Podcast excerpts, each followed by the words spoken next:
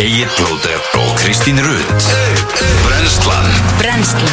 Á FM 957 Góðan dag og velkomin á Fætur. Í dag er uh, þriðju dagur komin 13. júni og hér eru Rikki Kjó og Kristi Rutt í brennslinu til klukkan 10 og vá, það tók fallegu dagur við mann í morgun maður. Aldeilis og líka bara þegar maður fór að sofa í gerkvöldi það var alveg ótrúlega fallegt við þess en uh, það er kannski bara svona fallegu dagur í dag því að Egil Blót er á afmæli í dag. Já, uh, okkar, okkar besti okkar besti kall. Okkar besti kjell Hann er, uh, hvað, hann er 29 ára gammal í dag. Já, þetta er bara brest á næsta ári stórafmæli Já, maður.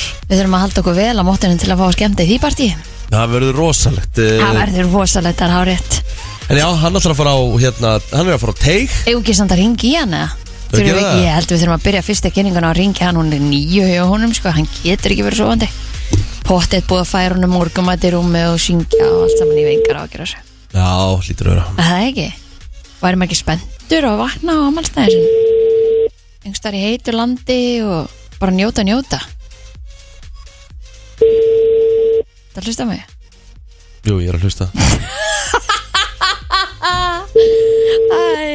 Hann er ekki að svara, sko. Hann sva, Nei. svarar aldrei, sko. Nei, ég veit það. Nefna bara þegar hann vil Hans fórsetum Það þarf allt saman að vera hans fórsetum En já, Það er hann, ekki nýtt hann, svo sem. fekk, hann fekk tækifæri til þess að fá amælusöngi sinn Já, en hann, hann fokkaði því upp. Við reyndum þetta. Svo sem ekki, ekki í fyrsta skipti sem hann fokkar upp einhverju En, en ábyggilega ekki í það síðasta heldur.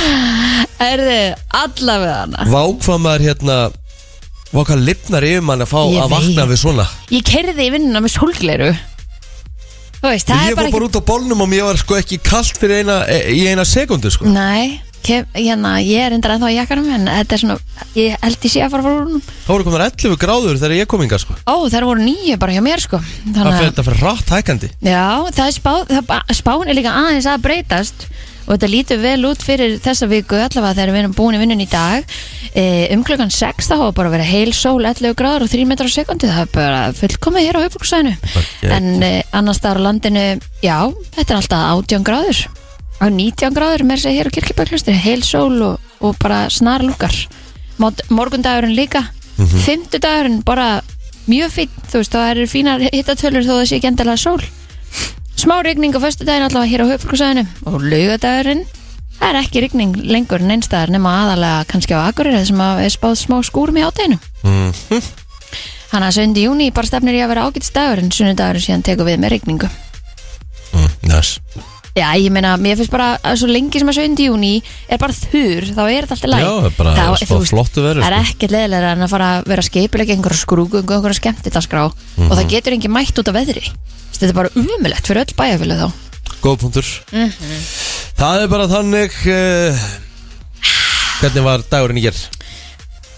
Dagurinn gerur bara frábær Mm Hann bara mjög næs Já Ég hérna Ég fór í öndrunesi í gær og Ég bara Það var Það var hægt að vera ból Já, þú veist, ég var ekki á ból Ég var í svona mjög Svona bara svona unnanundir Svona langarmaból svona. Mm Þú veist, svona strettsefni Já, Og ból yfir því. Þannig að það var næs veður. svo voru sumi bara á bólnum Já, já, þá voru 14-15 gráður sko. Ú, maður byrðir ekki meira? Nei, ég bara Gott íslensk sem var Og svo kom sólinn setni nýju Og þú veist, maður bara brendur þegar maður kom heim í gerföldi sko. Já, settur ekki á því sólaverð Nei, Það er búið að segja svo oft við ykkur, skiptir ekki mál hvort sé Ég skíjaði sóla á að vera veit, það, sólaverð ég veit, maður er bara ekki Það er verið skarpar gamall krumpað kall. Maður er bara ekki skarpar en þetta. Mæni, það er svo sem alveg rétt Já, líka maður þarf að drullast þess að setja á þessu sólvart Það skiptir ekki máli. Hvernig Já. þarf að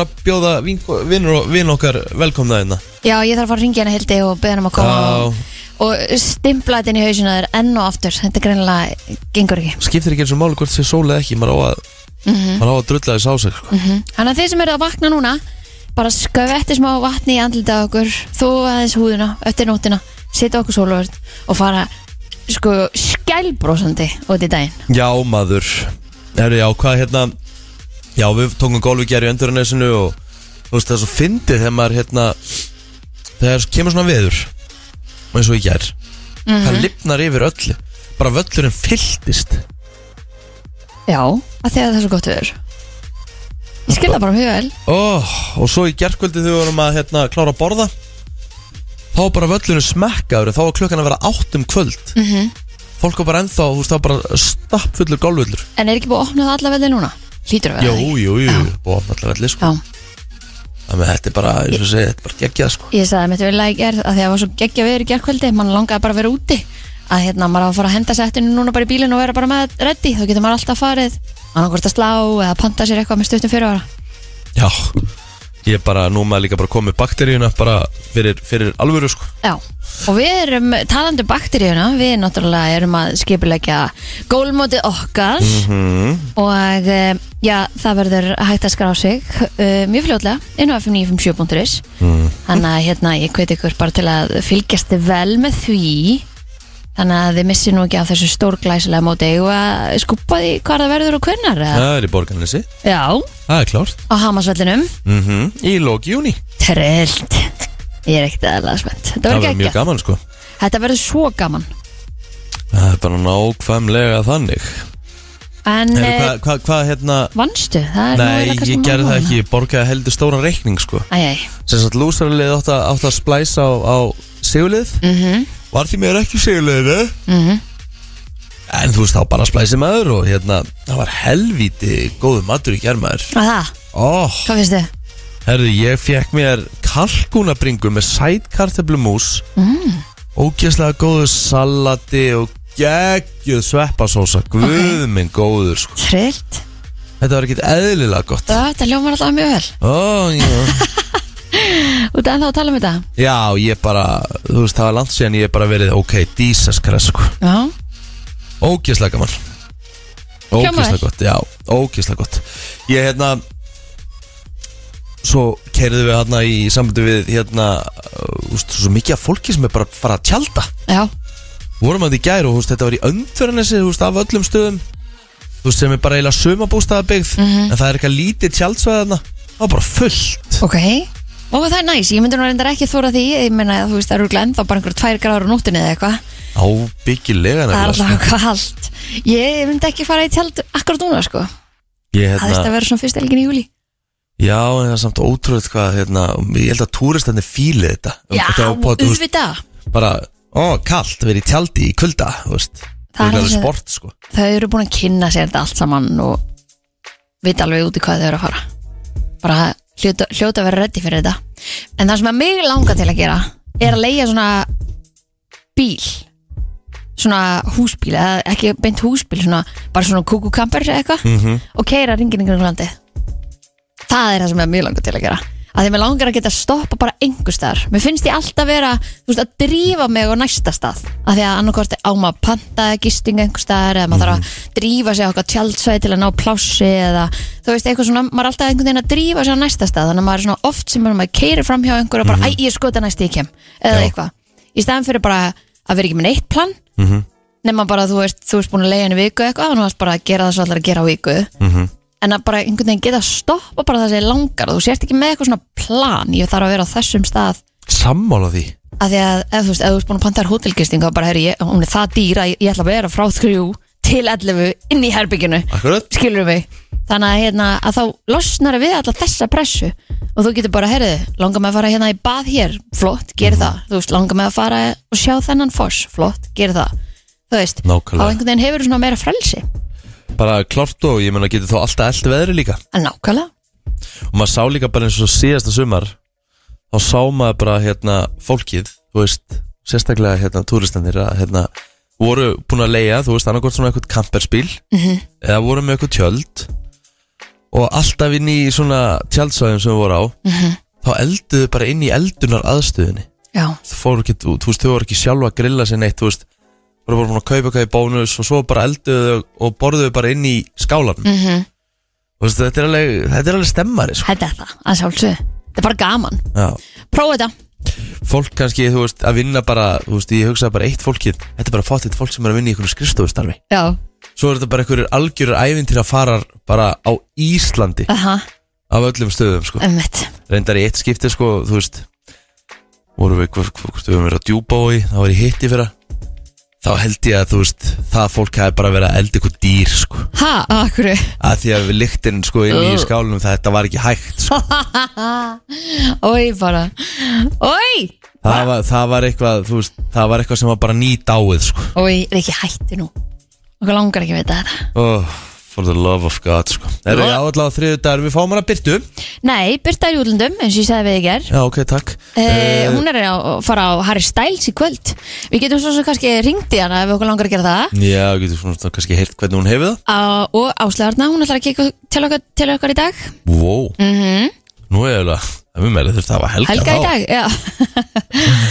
Þannig að hérna Já, Við skulum bara taka slúður, við tökum bara slúður í sjálf þá. Já, já, já, engar ágjur Nóum að vera. Herru, eins og ég segi, uh, brennslan uh, í góðum gýr eins og ávalt og það er Kristín, ætlar að byrja á þessu lagi? Já, já, af hverju ekki? Ég var að setja þetta inn að því að þú veist, þú varst ekki komin Já, Þetta var svona þannig En ég meina, af hverju ekki?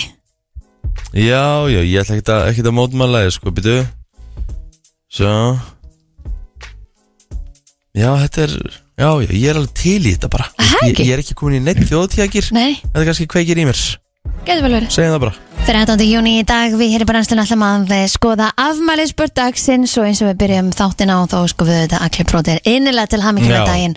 29 ára í dag, fagnar í sólinni á Spáni og er að njóta í, í dag klálega, ætla hann fara ekki í golf og fá sér eitt raukt og jáfnvel viski með því og eitthvað. Já Ah, mjög, mjög, mjög, mjög, mjög mjög líkur. Já, en það eru minna frægastjórnur sem að deila eh, deginum með allir bróðir, til dæmis Mary Kate and Ashley Olsen Týpursistunars eh, leikonur, eh, fatahönniðir og, og svo margt fleira. Það er einhvern veginn bara svona hurfu. Já, týpurarnir já, Það er, sko það er hægt að leika. Og þá nú, bara, nú, nú er til dæmis, hérna, dóttir mín já, að horfa okkur mynd Mhm. gamla mynd Mary Kate Olsen uh, þar sem þær leikur saman. Já. Og mér langar svo að sjá hvað þessi mynd heitir. Hvað er eitthvað svona pram trap eða eitthvað? Eða var Nei, það, það, Lindsay það, Lohan? var, það var Lindsay Lohan. Og hún er búin að vera að horfa á það á fullið Já. mitt. Maður sjá? Þegar að hún leik týpur á, var það ekki? Hún leik bara, þær leikur sko, já, þær leikur í henni sko. Báðar. Já, Æjó. Byrju hérna Mary Kate and Ashley Olsen. Já það er búin að finna þetta Byrju, hérna er þetta, byrju það uh, leikur í It Full takes House. two. It takes two. Jesus. Og er hún að horfa á, á, á hana núna? Hún er að horfa á hann á fullu og hún leikur í henni hún hérna uh, Kirstie Alley. Mmm, hún var góð. Já, þetta er sem sagt um, um mann sem er að fara að giftast Evil stepmother. Ó, ok. Og þær, þær reyna að koma í veg fyrir það. Já, já, já, já, um mitt Og svo er það auðvitað þáttur eh, sem við munum öll eftir uh, Tim Allen eða Tim the Toolman Taylor Hann leik í Home Improvement Já Þemalægið, mannst þetta því? uh? Já Það meikaði svo lítið sens Er það til á YouTube eða? Í lagið? Já, tjekka það Já, því. örgulega Þetta voru, þetta voru mjög skemmtilega þættir allavega á sín tíma. Ég horfði al- ég horfði alveg á það sko. Ég horfði alveg bara svona alltaf á það Man alltaf eftir, ég skildi aldrei konseptið með hérna nákvæmna sem sást aldrei nema bara svona Já. rétt í gegnum, gri- eða þú veist, yfir grindverkið. Já, akkurat. Svo átti hann að einhverja þrjá sinni Miðjusonurinn, hann var í uppáhaldi hjá öllum stelpum á mínum aldrei sko. Jonathan Taylor Thomas. Úf, svakalega myndalegur sko. Ímynda með það sko. Má sjá, hérna er það Býtu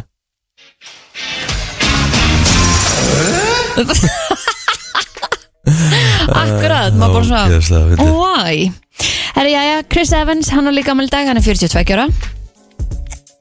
Hva, Í Em, hvaða myndum hefur hann byttu? Nú er hann að koma honum fyrir mig. Fantastic Four. Já, hann hefur leikið svolítið í myndum sem ég er ekki að horfa á. Já, The Avengers, Vá hvað ég hef aldrei komist inn í þetta. Captain America.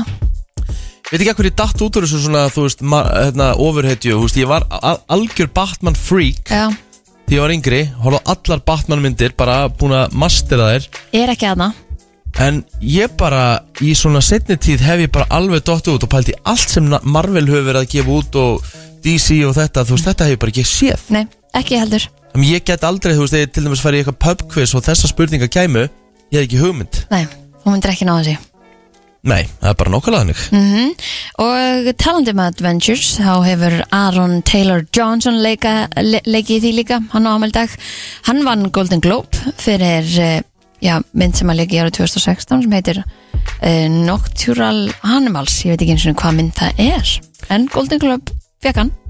Frábær leikari uh, Frábær leikari sem er að halda upp á daginn í dag. Hann heitir Malcolm McDowell Og hann sló heldur betur í gegn í kvikmyndinni Clockwork Orange sem að Stanley Kubrick leikstýr á sínu tíma. Fyrir þá sem hafa ekki séð uh, hérna Clockwork Orange eða A Clockwork Orange það er bara mynd sem þið verðið að sjá. Já, það er bara nákvæmlega þannig. Hann er uh, áttræður í dag. Nú það eru fleiri. Stellan Skarsgård. Hver er það? 72 ára gammal uh, googlaðu Stellan Skarsgård Stellan. Skarsgård þetta er uh, leikari sem að sló meðal annars í gegn í hérna Mamma Mia til dæmis. Good Will Hunting, já, hann hefur bara leikið í ansi mörgum Chernobyl já, hann hefur leikið í mjög mörgum frábærum bíómyndum, góðum þáttum Marvel-myndum. Þetta er bara heimsfræðu leikari og hann er einmitt uh, fadir Alexander Skarsgård sem hérna alla stelpur dýrkuð í True Blood. Já, sænskur ekki? Já, svenska. Uh, Steve O. Já, úr Jackass. 49 ára. Hann er bara edrukall að það, og bara stendur sér mjög vel. Það er ekki veit af Þú veist, Bam Margera, hann er hins vegar á dælunni sko. Það er já, það kom, kom hérna mjög reglulega fréttir um það að hann sé hérna í einhver óreglu. Uh, DJ Snake á líka ammæli dag Það 37 er bara, ára. heil hellingur af ammælisbörnum sko. Já. Fleiri sem að ramba hann inn hjá þér? Sko, ég get nefnt uh, Cody Walker, hann á ámæli dag. Hann er yngri bróðir Paul Walker og kom meðal annars fram í Furious 7 Fast and Furious 7 myndinni. Herðu, er þetta fokk í mér að Hvað? uh, Bjartmar Guðljóksson Ah, á afmæli í dag. Hætt. lag dagsins takk. Og Selma Björns á ámæli dag líka. algi. Ég er ekki algi. Þannig að Selma og Bjartmar fara í face-off á eftir. Hver fær lagdagsins? Nei, nei, sorry, ég er bara búin að ákveða sko, Ég er alltaf að fara að setja Bjartmar Ekki sko. all out love ég, ég, ég, ég, sko, þú veist, þú getur Halló, ekki halló. ímyndað hvað ég er mikill Bjartmarsmaður. Það er ekki að vera að taka þetta af mér, sko. En ég skal samt spila All Out of Flock í dag. Takk, Eða, eða, eða það bara skiptir með það miklu móli Ekki spurning, sko. Geðvegt Herðu, uh, ef að fara á feysanum bara? Það Já, ég held það. Sko, fyrir utan okkar bestamann plóter Þá, uh, jú, ég meira að segja Ég og Bjartmar erum vinir á Facebook. Pff. Stort Uh, Arnó Brynjarsson 27 ára gammal í dag Konráð Eli Kjartansson 22 ára og Bryndís Arna Níelsdóttir 20 Þetta er mitt Facebook. Já, Garðar og Gunnar týpara frænda mínir eina sinnir eiga afmæli í dag og svo er það Elisabeth Einarsdóttir, svinkor mín, hún var líka afmæli í dag, 38 ára. Skum þeim innilega til hamingi með daginn. Það var bara sagan. Um, Það er nú yngislegt sem hefur átt sér stað á þessum degi um, Austu þýsk stjórnvöld hófa að rífa niður Berlínamúrin á þessum degi árið 1990 til dæmis. Ok uh, 1985 ný útvarpslög sem heimilu engareknar sjónvars og útastöður á Íslandi voru samþekkt á alþingi. Lögin tóku gildi upp af ársins 1986 og þá var þeim mitt bara uh, bylgjan Já. að veruleika. Akkurat. Okkar, uh, okkar besta fólk hér hinnum einn FM 957 kemur 1989 Já uh, Heimsmeistaramót landsliða í knaspurnu Karla hófst á þessum degi ár 1974 í vestur Þýskalandi Já. Hver vann þar ekki? Það voru sjálfur vestur þjóðurar sem Vá. unnu, bara unnu á sínum heimaðalli yes. Unnu hérna Hollendinga Já, í úsliðreik mm 1973 frálsar fóstureyðingar voru heimilæri í Danmörku. Um, Fleira sem hefur gengið, gengið á á þessum degi Yngiskráning íslensku krónuna var tekin upp. En áður fylgdi hún dönsku krónunni. Þetta var árið 1922 uh, Já, 1973 uh, Þetta eru hvað 50 ár síðan? Frjálsar fólkureyðingar voru heimilæðir í Danmörku. Að það? Mhm. Já, ég var ekki bara að taka það fram. Já, ok. Mm. Ég tætti ekki út þarna. Nei, nei, en það er fínt að uh, bara leggja áherslu á þetta. Já, bara gott. Bara mjög gott. Bara mjög gott. Eru þá, jú. 20 ári í dag, það eru þetta óskam til hamingju, ég heldur sem er sem þá starfandi. Fyrsta tölublað, tölublað Reykjavík Greipvæn kom út og ég held að þetta sé ennþá starfandi. Ég held að líka. Mér finnst það, mér finnst ég alltaf að vera að sjá tengstar tengstar Það myndir hafa mikið með það. Var, Er þetta ekki svolítið fyrir túristan eða? Jú, Og þetta er alltaf, er alltaf að gefa út á ennsku Já, Já. Herðu, uh, ég held sem bara búin að tæma okkur ekki? Mér finnst það. Fretta yfirleitt eftir smá. Frétta yfirlit í brennslunni. Það að þú ert að lusta á brennsluna. Hún er uh, björt og brósandi og við ætlum að fara í yfirleitt frétta og við byrjum að sjálfsögðu á dagbók lauruglunar og það er nú svona eitt og annað að gerast uh, og búið að gerast síðast einn sólarring en laurugluna á höfuborgarsöðinu bárust þrjár tilkynningar um líkams árásir í nótt. Í einu tilvíkinu voru fjórir handteknir og málið í rannsók fram eftir kvöldi og nóttu Kjært fyrir líkamsárás, vopnalega brot og vörslu fíknefna segir í yfirliti lauruglunar.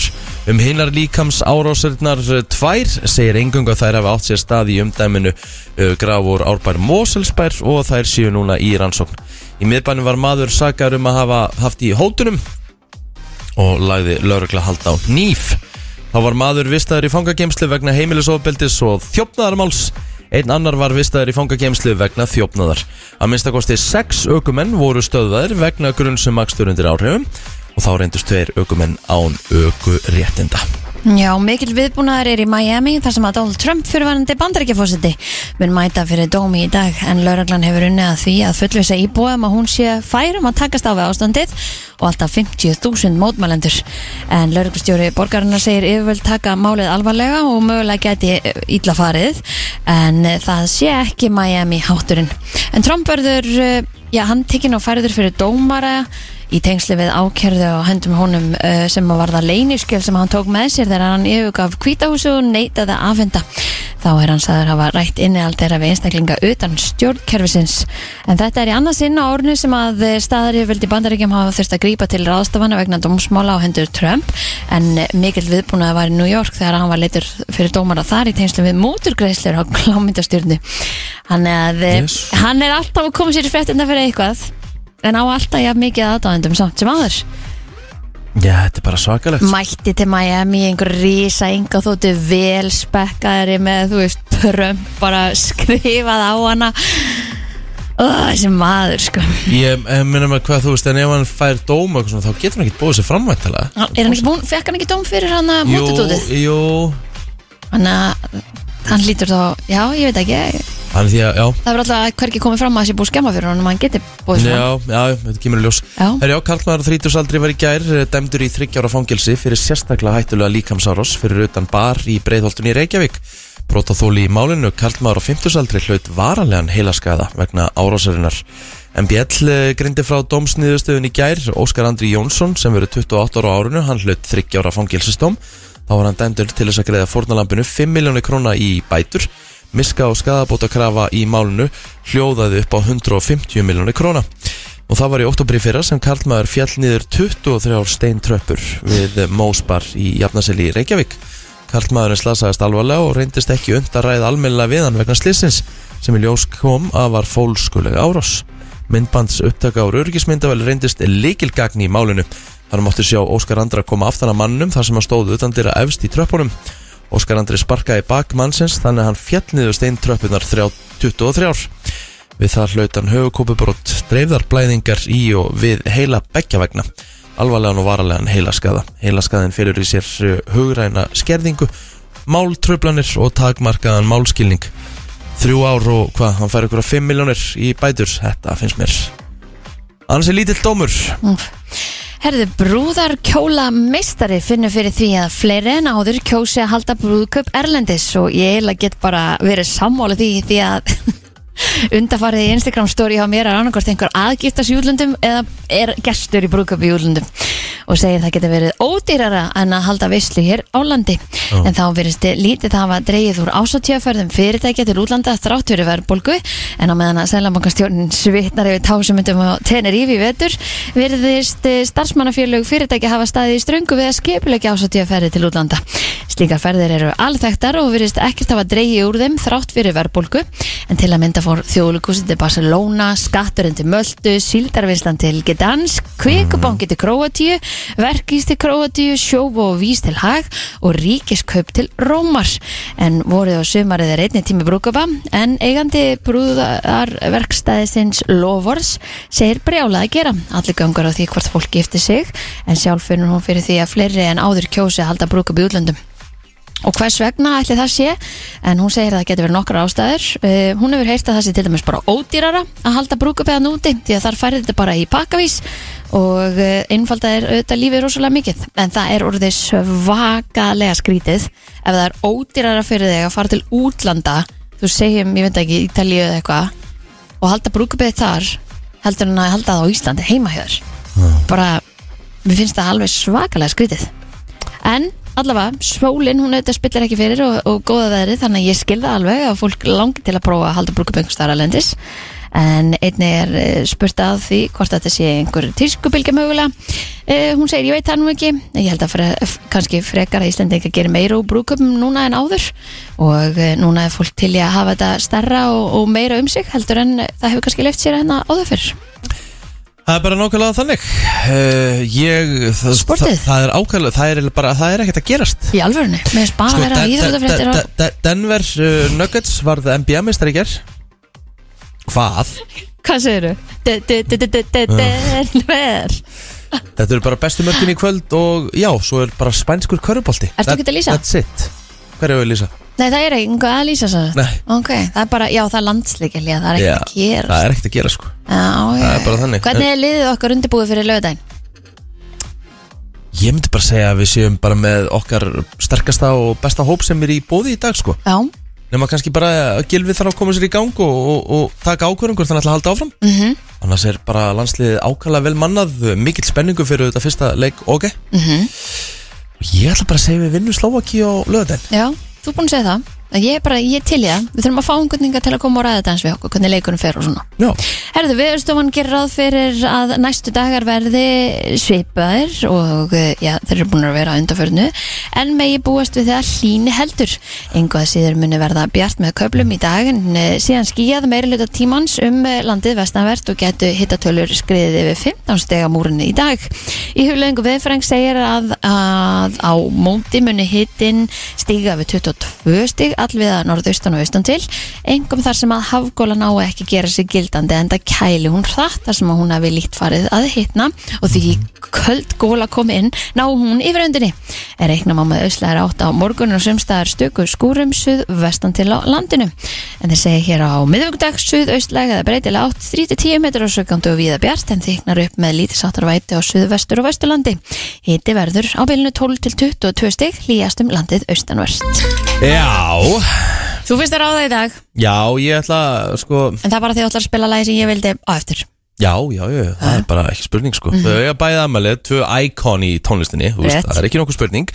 Selma Björns og, og Bjartmar Guðlaus En ég er líka svona, þú veist Ég er bara búin að vera Bjartmarsmaður bara síðan ég mann eftir mér sko. Mm Því að hérna, mamma og pappi hlustuðu mikið á, á hérna, Bjartmar Þegar ég var uh, yngri. Já, Og hérna, ég ætla bara að henda á Kindu kynnslóðina Mamma, mamma, mamma, mamma Þetta er alvöru. Það er bara þannig týnda kynnslóðin Bjartmar Ammælisbar dagsins í dag Einn af þeim, eh, 71 ás mann alltaf eftir vídjónu við þetta lag. Ég bara hann Það var svona iconic á sín tíma þegar var ekkert endilega verið að gera Líka Mikið bara- mann þetta. Bara líka með svo mikinn katalóg eins og þetta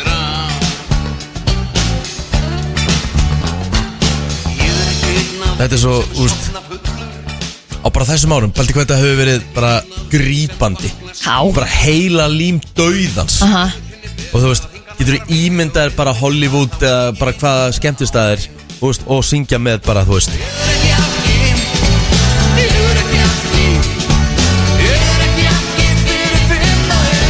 Bara öskur syngja með þessu á þessu stað, sko. Hver hefur ekki gert það? Æ, já, já, já, já hann Þetta er hérna- stemming Bara, hans eru stemming.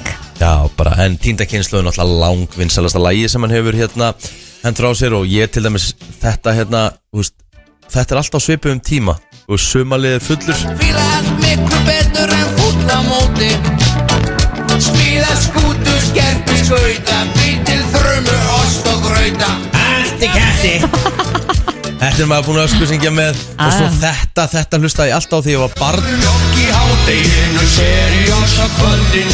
Mér er sagt að þeia meðan frétta tímin er. Þetta er hérna, þetta var svolítið gert fyrir krakkana því að Já. ég held að hérna Latti hafi verið með honum hins leið Þetta er hérna ekki hérna Iconic. Þetta er iconic, iconic meistari. Uh, Herðu 511-0957 Ég ætla að uh, fá fólk líka því að þetta er könnun sem að vera að klára og það voru 5.000 einstaklingar sem að tóku þátt í þessu bara viðsvegar um Evrópu. -hmm. Hvað á heimilinu situr á hakanum svona unfinished projects? Ú, Ok, er þetta ekki heimilstörfi eins og að ganga frá þóttunum Nei. Það er svona svolítið sem situr á hakanum hjá flestum sko. Þetta er til dæmis eins og í fymta sæti. Þá situr á hakanum svona kitchen remodel. Já, Komið að því að taka eldúsi í gegn og mm orðið gamalt og lúið og eitthvað svona? Ég þekki með þetta það datt uh, hérna hurð einn hurðin úr eldursinu Já, og það er búið að vera svona í ári eða eitthvað. Það er bara að vantar eina skápur þá. Hjá mér til dæmis uh, er það held ég Hevent sem situr á hakanum og búið að gera í, í ég eiginlega bara síðan bara við fluttum, við gerðum það fyrsta árið sem við fluttum það er að bera á helvítis pallin ber á pallin Ég er svo lélur í þessu, það er náttúrulega þrývan allan. Og Svo svo þarf að bera. Ég er þetta að koma já, svo er ég náttúrulega að koma með eitthvað meistara sem ætlar að græða þetta fyrir mig. Já, trillt. Það er búið að, það situr á hakanum hjá mér sko, Mhm. í, í þessari könnun. Þá er það til dæmis skólvefni í fjórðasæti Þú veist, að, að skiptum parkett eða flýsar eitthvað sem er svona sem er komin tíma á Mhm. að gera. Líka, e, það er smá brað, sko. Ég meina, ef þú ætlar að skipta um parkett þá ertu einhvern veginn að forfæra alltaf ef þú ert ekki með Já, tóma já. íbúð, sko. Ég veit það Þannig að þetta er brað, skil það mig vel. Þetta er bras, en í lang efsta sæti af þessu Oh lord, hvað er það? 55% sem söruðu þessu þú veist, Aha, Það er bara mála. Að mála. Sem að þú ert að spája að gera, þú veist að ræða það já, er það er alveg komin tíma á það. Það Já. hefur ekkert verið málað síðan að hérna, við fluttum og ég meina, er ekki alltaf að tala um að mála kannski svona 5 Fimm ára fresti? Fimm ára fresti eitthvað svona Já. Það er bara svo fólk komið- helvíti leðilegt Það er ekkert eðlilega leðilegt. Það er held ég það leðilegasta sem þú svona gerir að vantala á heimilinu. Já, og líka þú veist, mann finnst það svo leiðilegt að maður sér síðan helgidagan sín einhverstaðar eða einhverja svona misfellur eða eitthvað, maður er bara, oh, æ, whatever, þú veist. Af því að sko eins og til dæmis ég, ég er bara lélugur að mála. Mhm. og þú veist ég viðkynna það fúslega að frúin mála allt sem, sem þurft að mála síðan sko. Að og það er, mér finnst það ekki, mér finnst það ekki gott sko. En hvað hérna, hvað þú ég, hengir var, ég, ekkert var, upp ég var frekar að græða eitthvað mat, og Mat, eitthvað já, sko. með skemmti aðrið og handlangari Eða eitthvað svoleiðis sko. Æ, já, það verður líka á einhver að vera í því, sko Ég er til dæmis svakalega góð í því Hlaupa, þú veist, í bíkó og kaupa eitthvað og eitthvað svona Ég get alveg, ég er redda með þar, sko En þú veist maður vill náttúrulega líka bara láta þetta þú veist, þetta sé vel, þú veist, þú vilt mála almennilega Mhm. þú veist, þú horfir á þetta allan daginn sko. Ég veit ekki það. láta eitthvað trúð bara bara með pensil eða rúlu eða whatever sko. Ég er nefnilega lendir svo stundum í því sko að því að þegar ég fekk íbúðina mína og ég mitt mála hana me að meira hlutu öll sjálf Mhm. e, og var minna, meira minna að gera þetta eftir vinnu Mhm. og þá var kannski orðið dimmt og eitthvað svona og ég var samt með einhver svona kastar á eitthvað þannig að maður myndi sjá þetta allt saman en svo stundum þegar ég ligg upp í sofa og horfi upp í loft og sé hérna að þetta er ekki alveg fullkomið Mhm. og hugsa ég bara, demit ég hefði átt að fá einhvern í þetta mm, Nákvæmlega Situr eitthvað á hakanum? Já, ok. Sorry, ég tala á mikið. Nei, allt er góð. En allavega, þetta er hérna Sko, svo er talað um uh, þetta, er, þetta er í öðru sæti Yfir það sem situr mest á hakanum hjá fólki Svona Mhm. í, í, á heimilinu Varandi að gera eitthvað. Það er eitthvað sem tengist baðherbygginu Bathroom remodel. Já, það, ég skil Nú það alveg. til dæmis langar mig að fá mig styrtubott Já, í stæðan fyrir að vera með bað. Baðkar. Ok, Þú veist, ég, ég held að baðkar sé svolítið bara bassins tíma sko. Sko það sem er leiðilegast við það að taka baðherbyggi sitt í gegn þegar maður býr þar Já, er að, já, já, er, er að því að það kemur svo ógeðslega mikið rík já. þegar þú ert að brjóta niður flýsandar Og þú getur náttúrulega ekkert gert. Þú, veist, Og- þú kemst ekki til styrti heima hjá þér eða? Nei, emitt og gæti mögulega að nota klósitið því það er svona það seinasta sem maður aftengir. Uh, FM, góðan dag, situr eitthvað á hakanum hjá þér? Heima? Já,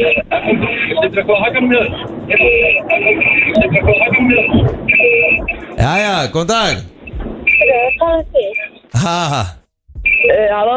hæ Na, Þú ekki að lækka þessu útvarpinu? hæ? Hvað segirðu? Ég segi bara fínt sko. Já, það er gott Er eitthvað sem situr á hakanum í herbygginu þínu? Ah, ég, hvað segir þið? Uh. Já. Spes, Já, virkilega. Uh, FM, góðan dag. Hæ, hörðu, hérna, maðurinn minn, Já, hann er málari. Ok. Og hún er vist ekkert leðilega að mála heima á sér. já, En, en, en er fyrst, en hann vinnur þetta daglega? Já En er þetta ekki svolítið eins með kokkana? ekkert þeir, þeir eldi ekki heima á sér og smiðinni ger ekki heima á sér og, Nei, nákvæmlega. Já, Já, nákvæmlega. Ég skil það alveg vel. Þú ert búin að gera þetta allan daginn er og, basically ekki bara að taka vinna með sér heim. En það er samt alveg Nákvæmlega. steikt ef að þú væri bara að fara að taka upp pensilin og mála já, og hann væri að gera margt Það myndi aldrei ganga, ég vil prófa það og hann bara, ég skal bara gera já, þetta. já, já, já. Þannig að Ég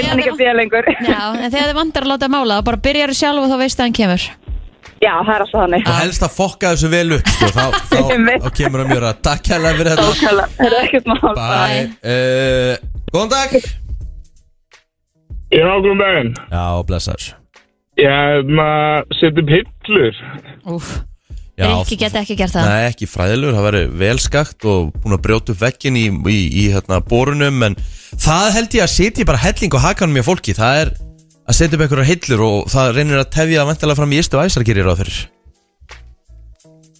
Ég hafa bara að finna tíman og lætin og það er ekki að bóra kvöldin þegar börnin er fann að sofa. Nei, Erfitt. það er alveg rétt Erfitt, takk fyrir þetta sjátt Ég ringi bara í pappa, hann kemur að gera þetta fyrir mig Góðan dag Góða daginn.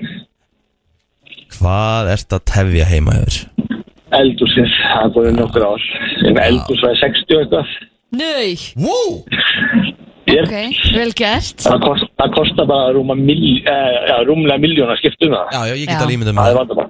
Emmett Það er sána Sko, ég ætti ekkert að, ætti ekkert að býða því ég er með annað eldur ekki nota á með það. Nú, Það er með íbúið sem er ekki að leiða út. ah, sniðut Þá vorkin ég er ekki neitt Nei, Nei, Þá bara myndi drull, drulla mér í gang sko það er peningurinn. það er Já, já, það þarf að sapna vel upp í þetta Takk fyrir þetta meistari uh, FM, góðan dag Já, góðan daginn, herru, það, það sittur svo margt á hakarinn sem er að konan, hún er svo mikið funkar. mm. Hún hugsar allt, allt, allt og mikið um, um hlutina og, veist, á ég gera þetta svona eða, nei, ég ætla ekki að gera þetta svona og maður bara svona, að, að, að með ég fyrir að gera hlutir bara. já, Þetta er, þetta, er oft, þetta er oft hættulegt sko Já, en svo, svo, svo, svo, svo verður hann svo brjála því að þú ætla maður, einhvern veginn að vera eitthvað tilbúið á einhverjum, einhverjum parketti Mhm. og hún hugsa, hugsa, hugsa, hugsa, heldur hvað að vera síðast daginn þá parketti búið. æ Og þá, og þá tók þrýr mánuði viðbútt að hugsa hvaða parkettur hann þarf að kaupa. Já, Þannig að, stundu verður maður bara að hoppa á hlutina já, já, bara be, be, be, ég framkomið og þá verður hún bara reyð. Já, það er betur að segja sorry heldur en að byggja um leifi Já, það er mi- mi- mi- miklu betra. Takk fyrir þetta, Ha. kæri vinnur Já, sem ég hvað- það Bye bye. Sko, samkvæmt þessari könnun sem var gerð þá er sko a- meðal heimili með, með eitthvað skonar svona þrjú til fjögur atriði sem svona situr á haka Já, og þessu ég, ég er með pall mm -hmm. og það er svona komin tími á svona fljótlega, ég þarf að taka þvóttahúsin og þvóttahúsin með eitthvað svona eldgamlar svona spónarhillur sem heldur þvóttahúsin á þurrkarunum, það á ekkert mikið eftir sko, já, já, uh, flýsatan þar inni held ég bara upprunulegar frá því að húsið var byggt Mhm. En er það ekki leið? Ekki alltaf leið með þér? Jú, jú, en þú veist Það það er ekkert brotnar eða hvað er Nei, ekki nei, heilar? nei, en þú veist þetta er svona kannski eins og hillundar sem þvóttahúsin það er í bara svona, svona aðeins fara að fúna Æ, ég skil ekki það með, og þú veist maður, þó þetta sé þvóttahús Mhm. þá er alltaf að hafa bara snirtilegt og, og gott sko. Já, ég myndi vilja læra að flýsa sjálf. Sko ég ætla að segja, segja reitt af því að ég var nú ótrúlega þess að þó tókst mér að vera handlangar í nokkur ár. Já, já, ætla að kema múra fjölskyldu Það er ekkit eðlilega svona satisfying að flýsalegja Setja hérna límið á flýsina Bera svona á hana Og láta hana passa við mm sita hann að krossana Já, og allt saman Svona smá tetris Já, ef, ef einhver getur byrjað og myndi síðan segja, þegar þú gerði síðan farið þangað. Þá myndi ég, ég geti það alveg en að fara að skera þetta og mæla út og eitthvað þannig þá er, þar er ég komin í vandræði. Ég get sagt uh, smásögu Ég ætla að vera svo sjálfstæðir ekki Og gera pappa stoltan. Og það var þannig að voru að vinna á bara að taka eitthvað baðherbyggi gegn Mhm. Kópói. Og ég var búinn að sjá hana því að sko þú þarft að byrja rétt. Já. þú þarft að mæla og eitthvað svona sko. Mhm. og ég var búinn að sjá hann gera þetta dansi oft. Og hann fór á skaust veit ekki hvað hann var að fara að ná í. Hann var að fara að ná í held ég eitthvað sög. Mhm. og ég átti bara að býða nema ég ákvaði að byrja. Ok. Ég mældi og Já, skrifaði og ég bara, herru, ég er búinn að nekla þetta maður. Ég held góður í hérna á ég nákvæmlega að byrja. Já, setti fyrstu flísana og svo kom næsta og svo kom næsta og svo því ég var að nálgast baðkarið sjálf já, og sagði svona Nei, þetta á ekki alveg Þetta, er, þetta lukkar ekki alveg svona. Svo kemur kallinn Búin að leggja okkur að þú veist Gút sétt 8-9 flísar sko. Já. Ég gleym ekki svipnum á hann sko. Og Svipurinn, svipurinn Sko ég málið það eh, hó- og og honum til hérna varnar og allt hann, veist, hann tók ekki, tók ekki styrakass sko. Nei, nei.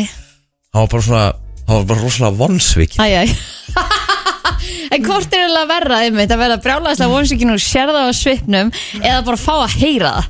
Sko hann var svona, hann langaði að segja við mig, veist Láttu mig bara gera þetta. Veist, Ég segi bara hvað það að gera. Ég skilji.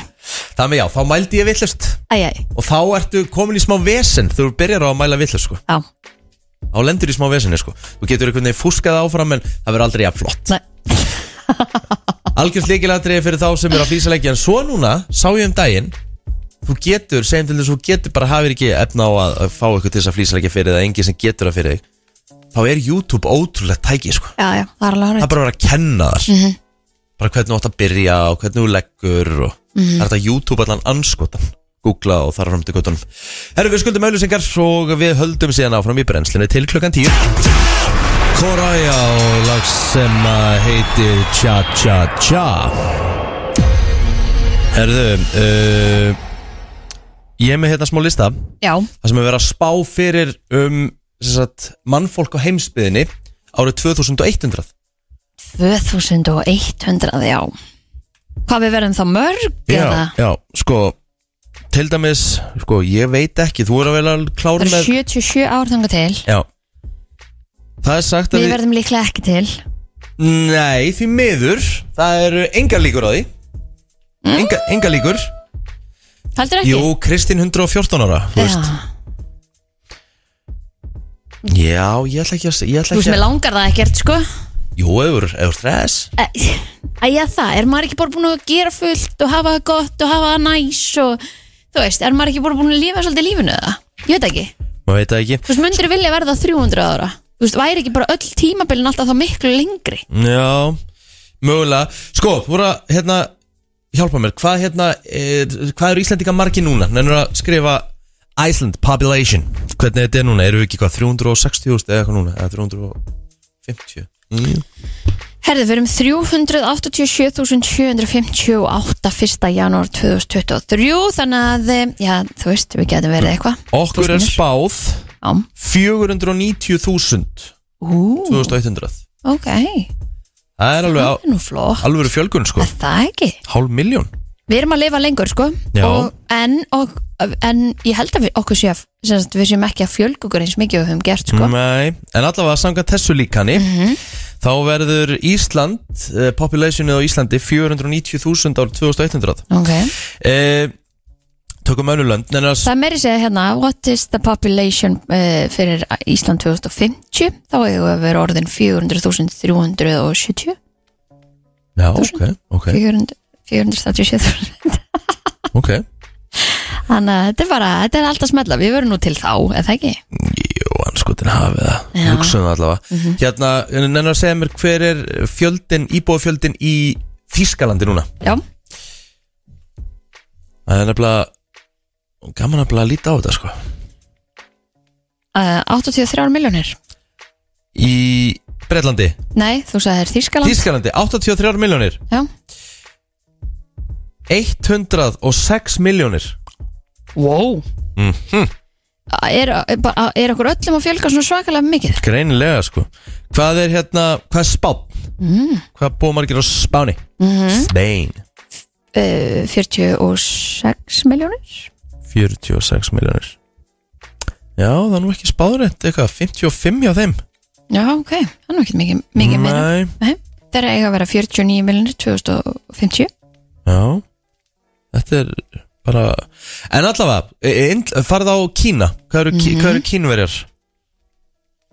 uh, 1 biljón 455 miljónir 1,7 billion wow. Já Já, þeir eru líka að hafa áhyggjur sko af fólksfylgun hjá sér bæði í Mhm. Kína og, og Japan þeim sé ekki fylga nú Nei Sko ég er að velta fyrir mér mm Hvort að þetta sé þá frekar þannig Að Úst, munum við ekki frekar standa í staða Því við erum að eignast miklu færri bönn Ég skil ekki, ég fatt ekki alveg þetta líkan sko að við séum að, að það sé fylga Já, í staðan fyrir að við sem að fjölga Að við stöndum frekar í stað að því að þú veist Fólk er að eignast börn miklu setna núna Mhm. Og það er eignast færri Mhm. Þannig að ég veit ekki alveg Hvernig við ætlum að fylga okkur? Nei, ég er svona að velta fyrir mér Hvort þetta líkan sé eitthvað Við erum að lifa lengur horseman year sko Við erum að lifa lengur Við leifum jú lengur Já. En þú veist Ég man bara þegar ég var yngri Þú veist, þá var bara skrítu og eignaðist ekki allavega þrjú börn sko. mm. Já, það er alveg En hálfið til í dag hugsa maður Vá, ertu að eignast bara þrjú Ertu að eignast þrjú börn? Vá, hvað það er mikið maður. Og ég menna fullt af fólki í dag sem á til dæmis einhver tíu sískinni Akkurat. Það er bara unheard of í dag Þú átt ekki tíu sískinni Já, ég meina, mamma og systur, þú veist, mamma og átti, þess að það voru sex systurnar og eitt bróðið, þú voru Akkurat, sjö, sko. Já, Það það er glemdi hugmyndin að þetta myndi eitthvað sjást í dag, sko. En þetta er algengara eins og ég til dæmis bandaríkjunum. Það það er, það er átt alveg mörg börn sko. En hérna á Íslandi átt ekkert svona mörg börn. Hvernig er þetta að tala við sem getur svona, þú veist allavega hérna á Íslandi að ég er ekki að kaupa Íslendinga verið hálf miljón 2100, svona með hvað við erum núna eignast börn seint og Mhm. hvað eignast miklu færri. Við þá að En við erum að fá fullt af fólki hinga til okkar Reyndar, sem er að flytja frá öðrum löndum Akkurat. alls konar þjóðurni og svona þannig að þetta verða gæti- Íslendinga það, þá. Það er auðvitað, auðvitað bara tekið inn í bankan ég fatt að það auðvitað sko. Já, uh, Góðan dag. Góðan daginn. Góðan dag Hæ, ekkert mál Uh, ég er bara að pæla með þessi börn. Já, Það voru alltaf svona mörg í gamla daga. Þetta er svo svona eitt og eitt par í dag sem er með skriljón börn. mhm Ég þekki eitt par sem er búin að eignast sjö börn á átta árum. Jesus Já, já, Já, það er bara, hvernig er þetta í grindinni? Já, og hvernig þeir þetta með buttuna í verðbólgunni? Já, þetta sé aðalega það sko Ég er að drukna úr útgjöldum bara. Einmitt. Já, og líka það, því að þú ætlar að vera með öll þessi börn í einhvers konar íþrótum eða einhverja Guð, afþreyingu góður. eða læra á hljóðfæri eða eitthvað þú veist, þetta, þú, og þú getur heldur ekki bara herru, nei, þú mátt ekki hafa fótbolta en þú fara að hafa fótbolta því ég bara á ekki pening getur ekki Já, sagt einmitt. það við Og börnin bara kaupa föt á börn, maður þýrst að vera bara alltaf á okkur kringlukasti eða eitthvað, ég veit ekki, barnaloppinni. Ég veit ekki, ég kemist ekki af. Ég var á kleppi.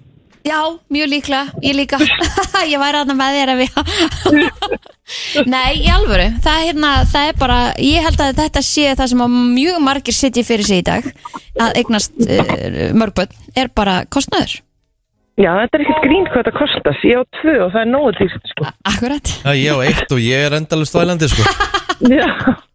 Og svo lækka barnabætuna þegar við erum á sjö ára og geta farið að hafa einhverja kröfur. Já, þá, það er fyrst, æðislegt. þá fyrst verða það dýr sko Já, einmitt, stræðislegt, alveg þetta kerfi. Herri, eigið dásamlega dag. Sumulegis, takk fyrir að hlusta Já, ég hérna Sko, já, ég bara er að kíkja á þetta líka en að því að eitt- hér er eitt land til dæmis á þessu líkani og ég ætla að byggja um að hérna, ég ætla að byggja um að hérna googla uh, population núna, Indland Já, Hvað hva, hva eru Indverið núna? 2023 Já, mm, Ekkert mál, við skal bara finna það fyrir þig. Já. 2023 að því ég held nefnilega, samkvæmt þessu líkani þá er þeim, þá mun þeim fækka.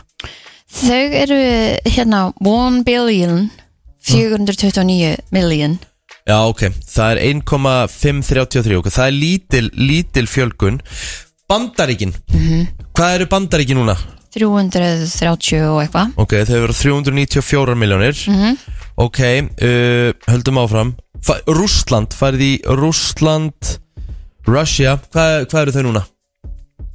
um, 146 miljónir Á þessu líkanu 112 miljónir Ó, fer þeim fækandi? Já, Æ, æ, æ, alltaf séu þetta stríðin að fólk sé að forða sér frá landinu og muni ekki fækka. ég, þú veist, já, ég, ég er ekki alveg að fatta þetta. Góðan dag. Góðan dag. Uh, og mamma mín, hún átti nýju sískinni Emmett og hún og tvo bræður sem er fallið frá Já, En var það ekki líka á þeim tíma að þau voru, þú veist, amma og afi voru að eignast börn. Það var langt um allt ótrúið það. já Og það var allt öðru vísi. Ég held líka bara Mamma var heimavinnandi, pappi var vinnandi. Já, Það var allt öðru vísi. Í þekkjum maður þetta ekki. nýtnin var öðruvísi og það var líka heldur kannski með þetta ekki búið að vera í öllum þessum, þessum íþróttum og já sem að er í dag frístund já, í skólanum Kröfur Ég var einu sinni í vinnu og- og og ég, ég var eins og í vinnu og yfirmaður minn alltaf að segja mig upp út því ég mátti ekki vera heima með veika, veika dóttur mína. Já, það er náttúrulega ekki, ekki í lagi Það er bara Hann sagði, ég sagði ég á barn, hann bara já þrjú, þá var hann að gefa skinn að- konan ætti að vera heima með barni. Það er ekki í lagi 2023 Það er bara þannig Nei. Takk kjærlega fyrir þetta vinnur uh, Góðan dag Góðan daginn. Þetta er nákvæmlega það sem hann kom inn á áðan. Að tímanir hafa bara breyst. Já, Það er hafa breyst sko Þú veist, sískinni mömmu eru 11 og sískinni pappa eru 9 og 10. jæks er ekki þá frekar líklega okkur Fækki frekar en að fjölga Jú, 100% og líka bara þú veist, það hefur allt breyst. Þú veist, börn eru fann í miklu meiri tómstendur áður var þetta börnin fari í sveit og þú veist, Aha. bara hlutinni eru allt öðru sig. Uh, einhverju tala um, ég langar ekki sem að segja þetta orð, það eru oft verið að tala um að það sé búið að gera að börn í dag kunni minna á verkværi og dótt Já, já Mhm.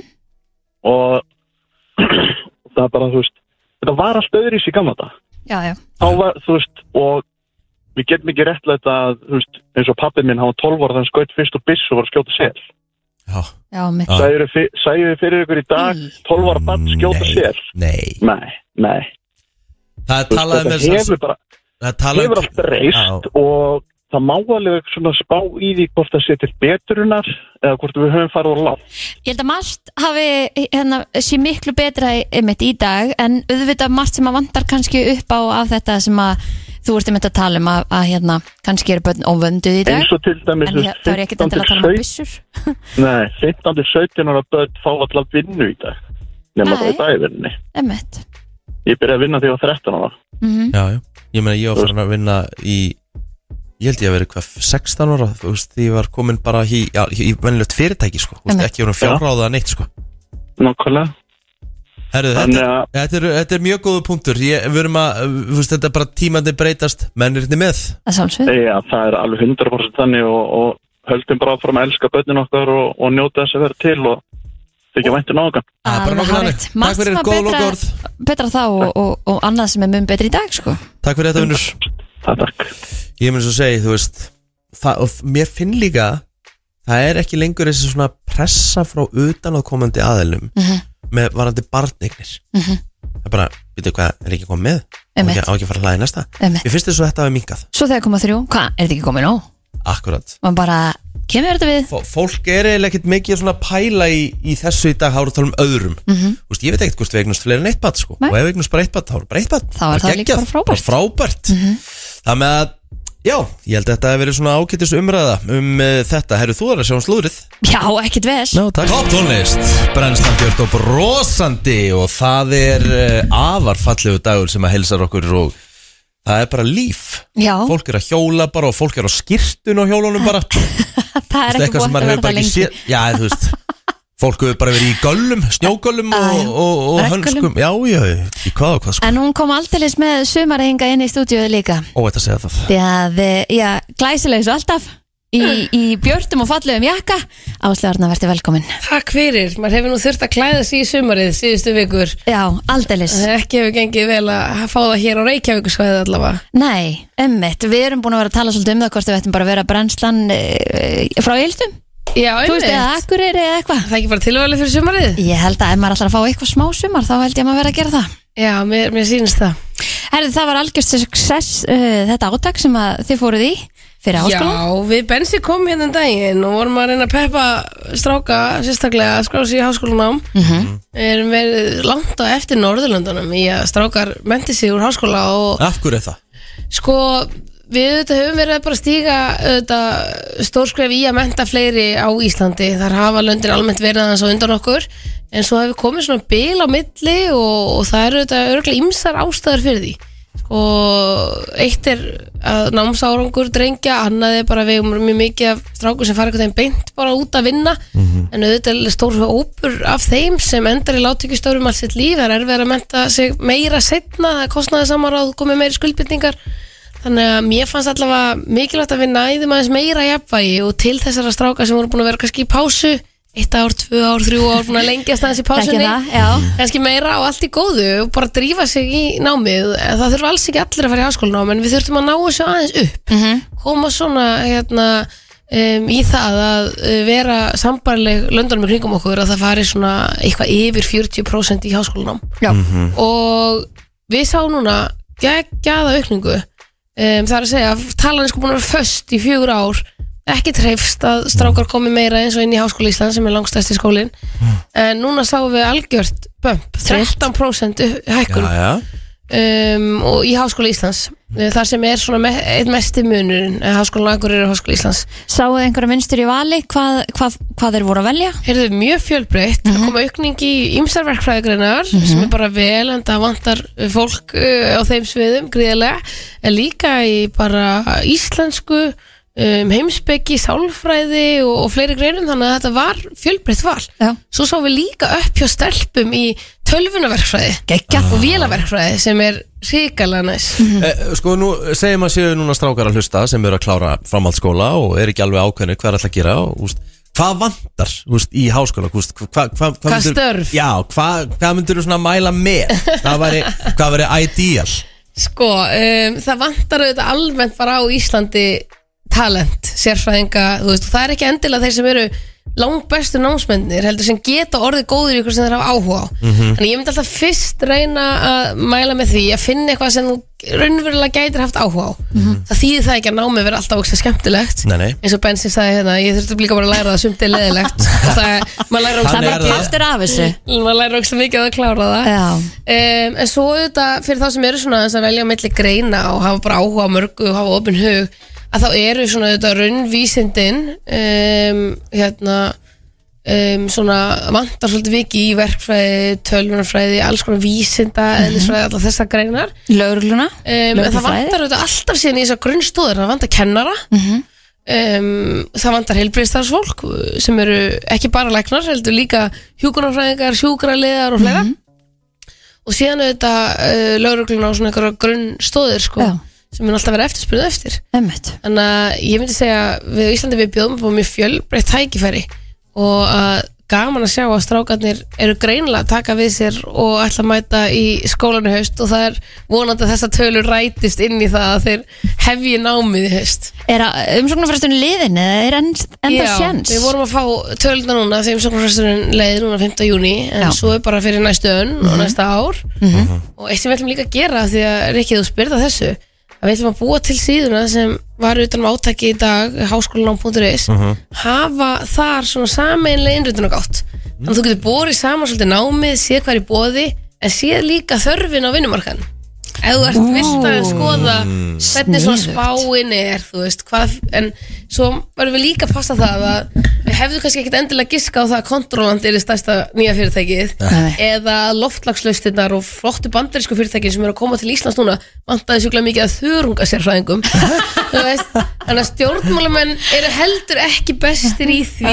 Að spá fyrir um eitthvað svona? Nei, heldur þarf þetta að vera svolítið svona breyðara Mm. um, en líka bara að einstaklingar sem hafa hæfni í því sem þeir hafa áhuga á eru Mhm. bestu starfskraftaðir Mhm. sama í rauninni hvaða mentun þeir sækja sér Drifin áfram af, passion Já, algjörlega Mhm.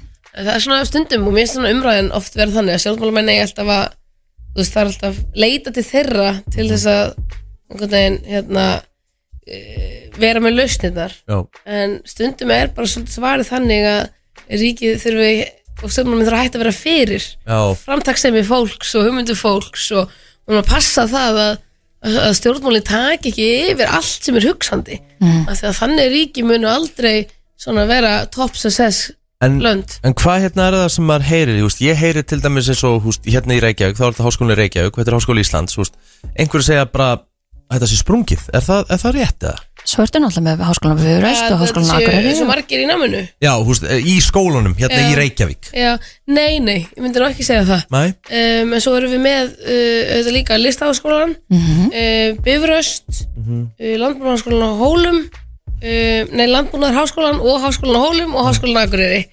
Og hérna um, og það er auðvitað alltaf þannig að það komast ekki alveg allir inn en við erum með mjög opið háskólakerfi Ok. og við reynum og það kom aukning í COVID til dæmis inn í háskólan um, af því að þá misti fólk stör, störfin sín og þá sagði, heyrðu, ég ætla að nýta tíman og fara í nám sem er mjög mikilvægt um, en við höfum verið með þannig háskólakerfi að við reynum að taka á móti þeim fjölda sem sækir í nám en fyrir þá sem eru að hlusta þetta núti sem er ekki búin að klára framhaldsskóla mm Mhm. eiga þeir eitthvað möguleika?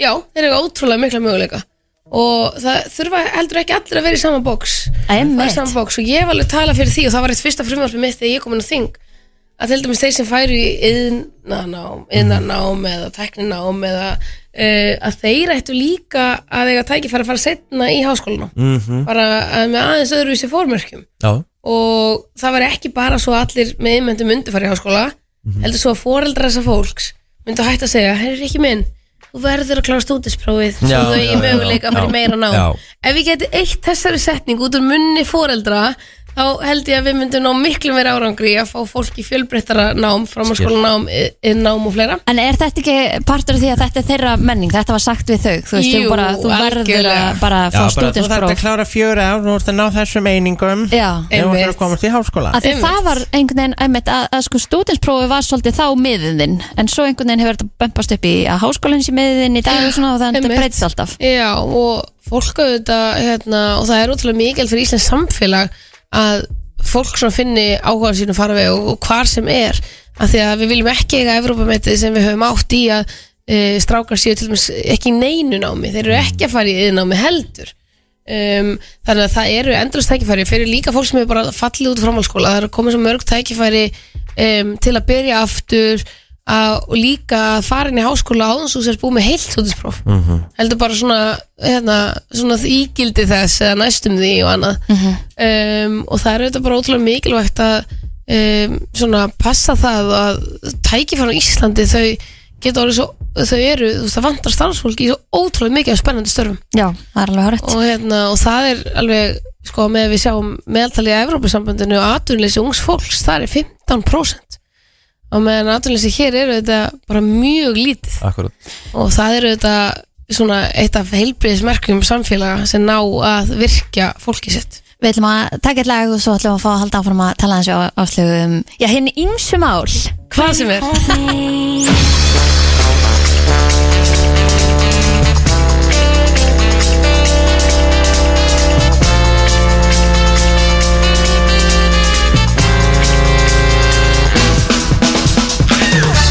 Áslöður þetta Sigur Björnsdóttir eh, ennþá hérna hjá okkur og það er hægt að ræða svo mikið sko. Já, ég ætla að mynda að fara að segja, ég, maður getur valla borið fram titilin hennar að því hún er, svo, hún er alls konar á þeirra. Já, hún er, hún er, hún er með ansi mörg, mörg svona, eh, þú ert með nokkur ráðuniti svona á þinni könnu eða ekki? Já, marga málaflokka Já. það var búið að samina þarna úr nokkrum ráðunitum og stundum hefur bara kallað þetta ráðuniti framtíðarinnar Já Af því það sem heyrir undir mig eru háskólanir og rannsóknir og vísindi en líka nýsköpunin sem eru öll þessi flottu fyrirtæki bæði frumkvölanir litlu en líka stóru tæknifyrirtækin mm Mhm. -hmm. Östurmaður, Gervigreindin. kontrollant og það en líka gulleggið, þú veist, frumkvöla keppninar og svo er ég með fjarskipti ég er með hátækni yðnað og hluta af yðnaðinum, ég er með netöryggi en ég er líka með geimin og gerfigreind Yes. Ég, ég er mjög gott heiti. Bara, Já. þú veist, að En vera maður bara þetta. nota eitt í einu. Þú veist, Núna er ég hérna, þú veist, fyrir hlifar ég hérna sem háskólaráðara Já. Nú ætlum ég að vera hérna sem gerfigreind Nei, tjók, Einmitt. hérna En það er eitthvað margt nýtt sem að þú ert að fara að kynna Já, ég hérna, ég reyna alltaf og hef varu þetta svona svo stjórnmálum sem svona fikraði mig til fyrst að tala um pólitík og Instagram. Mhm. Sorry allir á Instagram núna. Nei, en það var auðvitað að byrja að gera það í heiminum. Um, og er auðvitað fýtt með til að útskýra með stittri hætti.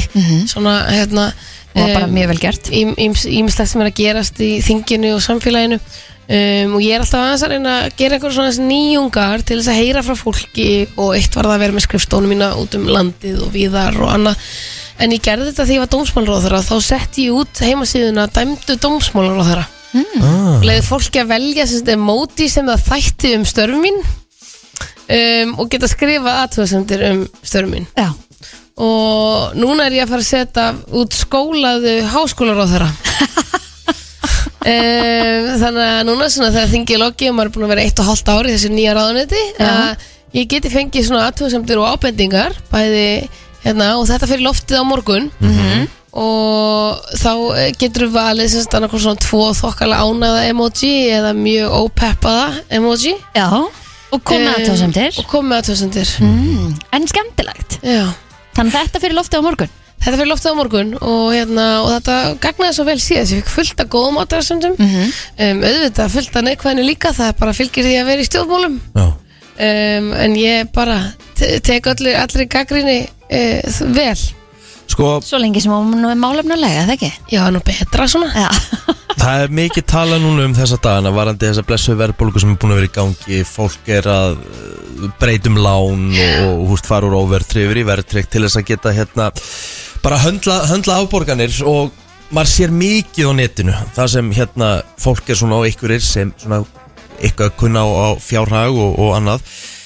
Hvenar ætlum við að viðkenna að krónan er ónýtur gjaldmiðl og þessar sveiflur hætti ekki fyrir en við förum yfir í eitthvað annað en krónuna?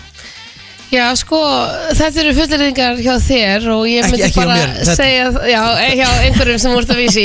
E, hérna, ég held að það séu flesti sammála því að við værum ekkert á betri stað, við erum ekki á þessum stað í dag út á krónunni. Nei, af hverju, af hverju eru á Mikið þessu af stað? verðbólgun í dag er innflutt uh, út af ymsu sem hefur gerst í heiminum uh, stríð og, og ymsar breytingar sem hefur orðið þess valdandi að hingað uh, hefur orðið verðbólga eins og í löndunum í kringum okkur. Það með er verðbólga alls þar Það er verðbólga allstaðar um, en við þurfum auðvitað síðan að ráða við hana og að reyna að lækka hana hér. Stundum það hefur tekist betur í sumum löndum í kringum okkur og það er ekki uh, út af gjaldmiðlinum. Um, það er til dæmis meira atvinnleysi oft á tíðum af því að það kælir hagkerfið hér er, uh, á Íslandi hefur gengið svo vel síðustu ár Mhm. Þess að, uh, þegar fólk tala um kaupmátt og þá er að segja að þú fær meira fyrir peningin sem þú færð í laun Mhm. uh, að verðið sem þú færð uh, fyrir sagt, verðgildi peningana þina er meira það hefur verið meira hér en í nokkrum öðrum löndum hér eru fyrirtæki stækka, hér er nóga störfum að fá um, og það er í þessari þenslu sem er erfiðar að ná tökum á verðbólgunni Mhm. um, en það er miklu betra til lengri tíma af því að þetta er skamtíma ástand, þetta er ekki eins og hrunið Nei, nei. hér er ekki staðan og sem er líka svolítið við og eru svona oh Maður hefur það á netinu.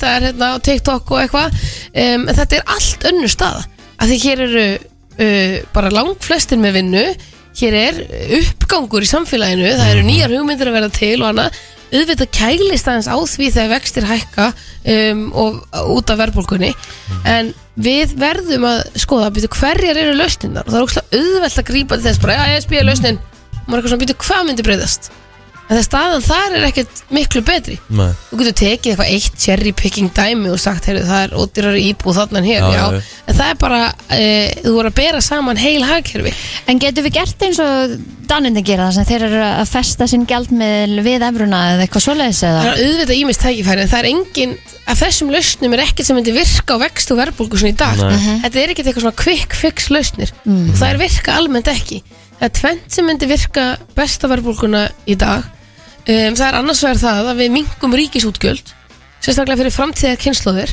Mhm. að við séum ekki að skuldsýtja okkur á mikið. Við Mhm. höfum alltaf verið að forgansraði að greiða niður skuldir. Þess vegna erum við nú betur stödd í dag en við hefðum geta verið. En í COVID að þá settum við bara rosalega peninga út í hagkerfið. Og það er núna að býta okkur í rassin Mhm. e, verulega. Mhm. og við sjáum það að, að, að við verðum að gæta þess að útgjöldin aukist ekki. En umræðin í að það er ekki það sem skilur árang við getum nota peningin betur. En það eru um rosalega margir sem segja að þessi verðbólga sé líka partur af því að það er svo mörg fyrirtæki hérna komið á markað og þau séu svo snögg að setja þá e, hækkanir á vöruna sem þeir eru að selja. Þannig að þetta fara allt saman bara strax til neytenda og neytendu þurfa að borga. Að, að fyrirtækin sem eru hérna í landinu séu ekki að taka þátt í því að, að sportna þess við þessu. Einmitt, af því að það er núna er þetta allt hagnaðadrifið af því að þetta Já. komin á markað Nú, já, en almennt eru fyrirtæki hagnaðadrifin og það er ekki slæmur kostur af því að þá mynda samkeppni, fyrirtæki vera betri, það er meira úrval, þetta er hluti sem gera verkum að við búum við ótrúlega mikla velsæld í dag. Þannig að það að uh, það er rauninni betra að fyrirtæki eins og sjáurðsfyrirtækin til dæmis sé á markaði af því þá getum við tekið þátt í því að, í velgengninni og, og, hérna, um, og, svo, og svo framvegis. Þannig að hérna, við þurfum líka og, og maður kemur kannski líka bara þú veist í svona grunnpólitíkina býtu af hverju græða fyrirtæki? Býtu, viltu ekki að fyrirtæki græða, viltu að ríki tækja af þeim, viltu halda þeim niður og hvernig ætlar að gera það? Um, fyrir hvernig er það að gera það? Af því það eru fyrirtækin sem hafa skapað velsæld á Íslandi Mhm. og til þess að við náum að hætta að þessum sveiflum sem þú talar um, svona efnagsveiflur þegar nú gengur vel og svo gengur það er verið auðvitað alltaf einhver partur af hagkerfinu. En við höfum, þurfum fleiri stóðir það er að segja, við höfum haft ferðarþjónustuna ein stóð, hún skilur okkur miklum tekjum. Um, svo höfum við haft sjáordvegin skilur okkur miklum tekjum inn í ríkiskassan. Síðan erum við með álið sem hefur skilur okkur tekjum líka Mhm. orkusækin yðnað en við þurfum að búa til þess að fjórðu stóð sem eru þess að nýju fyrirtæki sem eru með hálunastörf og skapa tekjur. Þannig getum við nefnt aftur Össur, Marel, Kontroland svona stór fyrirtæki sem eru byrjuð að hérna. Og ef við erum með fleiri stóðir þannig að þó ein bresti þó að COVID klikki og þú veist, eins og þegar ferðast sem fór eða þegar Mhm. loðunan mætti ekki og sjáorðurinn tók smá damp þá hafa það ekki eins mikil áhrif á hagkerfið. Og þetta er auðvitað, ég er að reyna þetta eins einfalt og mögulegt er að því að þetta eru svona langtíma lausnir sem skila árangri en það er svo auðvelt að segja bara, heyri þessi er að græða pening bara skattlegjum hann Býtu, og, og fyrir hvað sko? Þurr vandi ríkisjós er ekki það að okkur vandi meiri tekjur. Útgjöldin eru vandamál. Útgjöldin eru orðin of mikil. Já, mikil. Og það mun skuldsetja framtíðar kynnslóðir ef við uh, gætum okkur ekki. Og við þurfum að þóra að ræða það, býtu, hvað getur ríkið hægt að gera? Ekki Já. fullt sem ríkið er að gera sem einstaklingar getur bara gert. Ríkið getur bara stofna fyrirtæki og séðum annarkvort það að selja áfengi eða dreifa póstinum eða uh, vera í hennum umsö, umsö verkefnum. Já, okkur vandar semst að, að, að hérna, reka ríki meira eins og fyrirtæki frekar heldur en eins og við erum að gera þetta í dag. Já, við erum auðvitað um, bara að passa og gæta, út, gæta útgjöldunum. Það er auðvitað freistni vandi pólitíkurinn að vera ógislega næs og rausnalegur og, og svona að vera stjórnmálumæðurinn sem verður að dreifa penningunum. Um, en þú verður að átta það í byrju hvað er fjárfesting til lengri tíma, hvað eru, hvað er þetta að verja penningunum vel? Bara eins og þegar þú ert veginn inn á heimbankunum þínum og ert bara fokk, ég eitti þessu ég eitti svona miklu á klúbrum, klúbrum já. og svo eitti ég aðeins mikið í mat og ég hefði nú getað farið aðeins oftar í bónus og sleppti ég að kaupa mér þetta allt saman Mhm. Þú veist, þetta er líka eitthvað sem ríki þarf að hugsa bara í miklu stærri mynd Já. Mhm. bara heyrðu, vá og það er ekkert, öll eðslamanns er ekkert alltaf skinsum Nei. eða nöðsynleg en fólk vil gera vel við sig og við erum að segja, heyrðu, mér langar að taka af ykkur lægri skatta svo þið getur gert meira vel við ykkur ráðið í, í hvað ykkar peningu fer. En þá þarf ríki líka að hugsa svona um sjálfa sig. Að það er ekki öll eðsla góð. Mhm. sumir segja alltaf bara meiri peningur er árangur. Meiri peningur er ekki árangur, betri þjónusta er árangur í þeirri þjónusta sem ríki á yfir höfða sinna. Mm. Ég held að einmitt það sem að fólk að núti hugsi akkurat núna bara, ég, þú veist, ég er búin að einmitt, vera að vinna inn fyrir peningnum, af hverju má ég ekki eða honum veist, það er bara valid spurning þannig að þú veist, þú vilt náttúrulega bara geta ráðstafa þessu sjálfur svo, Þegar við komumst í betra stöðu þá þetta uh, um, eru skattalækkanir eitthvað sem mér finnst að ungt fólk ætti alltaf að berjast fyrir Mhm. að fá að halda eftir meira af tekjurinn sínum Já. taka, við erum með mjög háa skatt á Íslandi Mhm. En umræðan er stundum eins og við getum hækkað og bara enda löst þá spyrir maður sér bara að byrja, já ok, þannig að þú vinnur meira og tekur auka nætuvaktir og eina helg, helgi í mánuði af því að hérna, um, þú ert að safna þig fyrir íbúð eða þú ert að reyna að kaupa þig bíl eða eitthvað um, að þá ferðu bara í þú veist, ennþá þingri skattlagningu og ennþá meira penningunum fyrir til ríkisins að þetta við komum í grunnpolítíkina Já, já. Ég er ánægð með það. Það er bara fínt að fá stundum svona Real talk. Já, og Já, bara, já. þú veist, aðeins, aðeins þroskaðara tal við viljum bara fá að geta eitt meiri peningum Já. Allt meiri pening, það vilja bara allir vera með meiri ráðstofuntekjur það er bara fullkomlega núna Og einmitt þurfum- einmitt. og, og líka það ef að ég á að vera skynsum og einmitt taka auka vakti til að reyna að eignast eitthvað en það er tekið meira af mér í staðin mm Mhm. það er enginn að fara að vinna með það og þá þarf líki náttúrulega sjálft að vera ábyrglega og sína á- ábyrgð í fjármálum Það er ekki bara hægt að taka og taka og taka og vera síðan bara spreyða, spreyða og spreyða Nei, af því að sko, það sem fólk límist um að hugsa þegar það segir bara meiri peningur þetta og það er peningur í þetta og þetta Veitu, hva, hva, Hvaðan á hvað hann að peningar er koma? þetta? Já. Þetta er peningar frá fólki Þetta er peningar frá öllum Íslandingum Þetta eru skattgreðenda taxpayers money eins og þau segja í Breitlandi En fólki, við, fólki segir þá af hverju er ekki hægt að vera með hærri skatt á fyrirtækin af hverju er ekki hægt að ná í Við- peningan einmitt. þar frekar heldur en af einstaklingunum Við erum heldur betur að gera það Já. Líka, við erum með mjög háa skatta á fyrirtæki almennt og höfum skattlagt suma greinar ennþá meira Já. en við þurfum að vera samkefnishæf og það sem þau gera best er að búa til útlunnistekjur Mhm. uh, sem eru miklu meiri tekjur fyrir Íslands hagkerfi og að búa til fleiri störf af því að það sem við viljum og það sem er styrklegi okkar er að hafa mikið af góðum hálunum störfum á Íslandi um, sem gera það þetta verkum að fólk geta haft í sig og á sko. Akkurat Amen. Já, það er ekki hægt að orða þetta betur. Ástöðu Arda Sigurbjörnsdóttir eh, Háskóla, yðnaður og nýsköpunar á þeirra Réttið það ekki? Rétt hjá þér, vel gert, takk fyrir spjallið. Takk fyrir spjallið og við séum bara njótti inn í, í frí, sumarfríinu. Takk fyrir. Mary J. Blige og lag sem að heitir Family Affairs. Herðu, fyrir þá sem hérna fyrir þá sem hafa ekki farið á vísi eða Instagram með okkar eða eitthvað svo leiðist þá hérna lendi ég aðeins í TikTok táningnum Já, á dögunum. Það sem að ég fekk eh, tertu framann í mig. Úf Býttu nú við. Ég var ekki hérna. Nei, þetta var í tengstu við kökukast. Já, ok. Gústi, Gústi B. var semst að fagna þættirni voru að koma út. Mm. og e, Gústi og Egil þeir ákvaða að rekja mig hérna og Egil ringdi mig þegar ég satt hérna frammi. Já.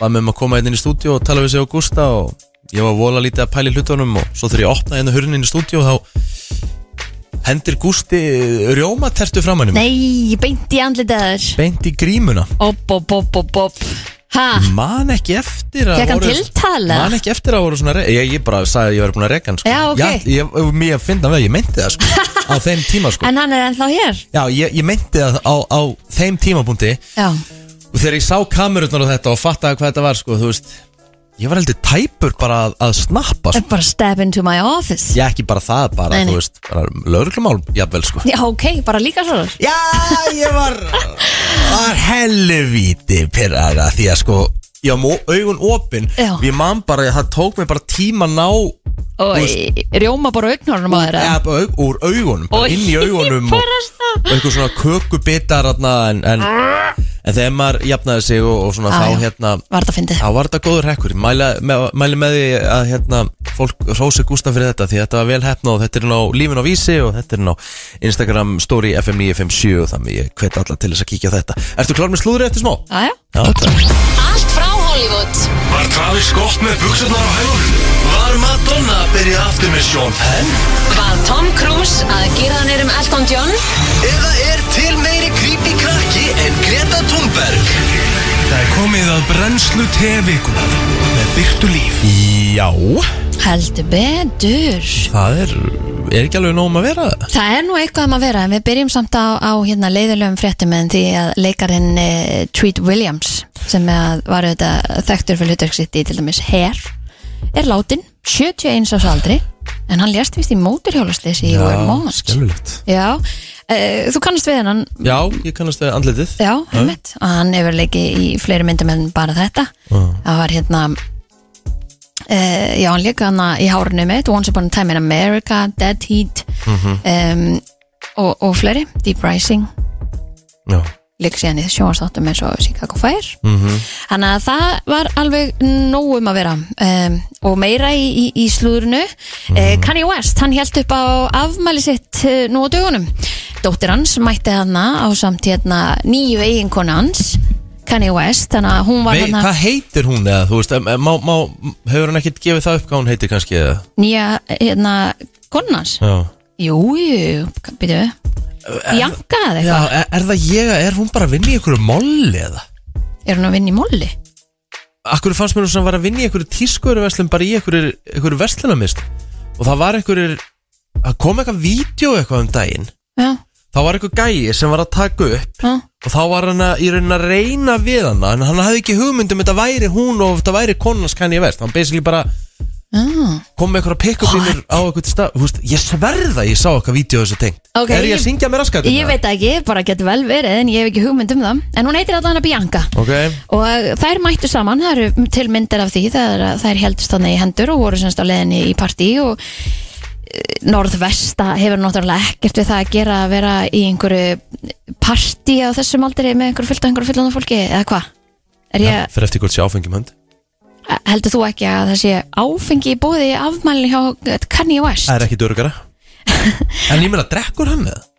Ég veit ekki, það er einhvern veginn ekkert þetta Ég pinnbónda er neitt ekkert- ég er að ekkert- Kanye ég West er sko. viss um að hann drekki sko Já, hann er allavega, hjælt på 46 ára ámæli sitt á dögunum með pompoprakt, bauði meðal annars upp á sushi á líkumum naktra kvenna.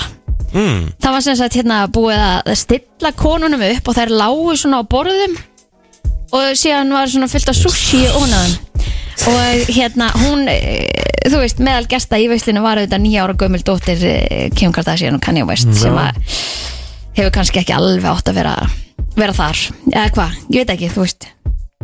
Myndið þú bara halda reysapartí og taka svona dís með, eða ég veit ekki. Já, kannski allt er lægi fyrsta klukkutíman Já, það er en, annað. en það kannski heldur ekki þetta með að þið við eh, Hollywood stjórnum sem er bara með allt öðruvísi partí eða hvað? Nei, ég held ekki sko nei, nei, nú bara, ég, ég bara spil Já, sko, en uh, uh, þetta er náttúrulega bara fín lína sko er Þú veist náttúrulega nýjára krakkar hafa í, uh, já, hvað er hún gömul, Norðvest, veistu Níu ára? það? Níjára, já. Já. Ég held að nýjára krakkar hafa ákvæmlega lítið svona erindi í partí það sem áfengir við um hendur já, já, Það er bara mín skoðun, kannski er ég gamaldags eða eitthvað, ég veit það ekki. Já, svo vitum við náttúrulega ekkert hvernig þetta er hann í Hollywood. Já, ég sá að Jennifer Lawrence, uh, hún hérna búin að viðkjöna það, hún hefði verið svona einelti sekkur frá eina ákveðna stelpu í hérna, í miðskóla eins og þetta heitir í bandaríkjunum. já, middle school. Já, en hún hérna, flott hjá henni að koma fram og bara beðast afsökunar? vi- vi- viðurkennir það og hérna, Mhm. segir að hérna, og hún hérna, svona fylgist með henni en þá í dag. ok, Ég heldur sem mér er svo búin að óna þetta og tala við hana og, mm, vel gert. Já, má, má frósa fyrir það sko. Neti fór náttúrulega á hliðina í síðustu viku þegar að söngunan Kellis og Bill Murray sáist saman. Kelis og Bill Murray? Já, nákvæmlega. What? Það er bara My milkshake brings all the boys to the yard. Ha- Það var hún og Bill fucking Murray þessu hún er 43 ára og hann er 72 ára þannig að það er 29 ára aldursmunanar á parinu sem er sko minnsta vesenið Mér finnst þetta bara svo sjúklega ólíki karakterar. En maður veit svo sem ekkert, ekkert hérna um það að sjálfsögðu. En það segir hérna aðdöndu Kellis verðast vera aktofa yfir sambandinu. En þegar Kellis byrti bikini mynd af sér á Instagram um helgina vildu fylgjendur hennar Olmur fá að vita meira um samband hennar við stórleikaran Já, hérna. En það voru sumir sem að sögu Kellis sem að nýta hérna Murray sem sagt til fræðar en hún e, svaraði því fullum hálsi og full- fullyrti að bæði væri þau rík og hamingjusum þannig að hún þyrfti ekkert á hann að halda. Og sé bara saman til að njóta hvers annars Og ef það er þá er það bara allt þið besta mál. Þeim veist það bara geggja. Þetta, bara, þetta kom bara svo sjúklega out of nowhere einhvern veginn. Ég bara er ekki, ég bara á ekki orð. Er það ekki? Já, ég er bara ekki orð. Svo er hún búin að eignast uh, barn hún uh, Jessie J. Mhm. Jessie J er þetta búin að vera mjög opinská með uh, ófráfusemi uh, misti fóstur búið að ganga að brösulega fyrir hann að eignast barn. Mhm. en uh, hún tilkynnti það á dögunum að hún ætti líka kærasta og væri að eignast barn með honum þannig að hún tilkynnti sko ólittuna og allt í kringu það Mhm. löngu áður en hún sagði frá því að hún væri ólitt eftir þennan kærasta sinn mm, Ok, Skilurðu? já Skildur þetta? Já. Eh, sem er bara stórkustlegt, þetta er einhver mm sem að, hérna, hún er með sem er bara æðislegt og þau eru bara mega happy, hún er búin að byrja að mynda af honum og þeim og, og litla barninu og allt saman sem að Mhm. mm. meiri sér búið að fá nafn og þannig að hérna að bara til lukku. Bara loksins geggið upp.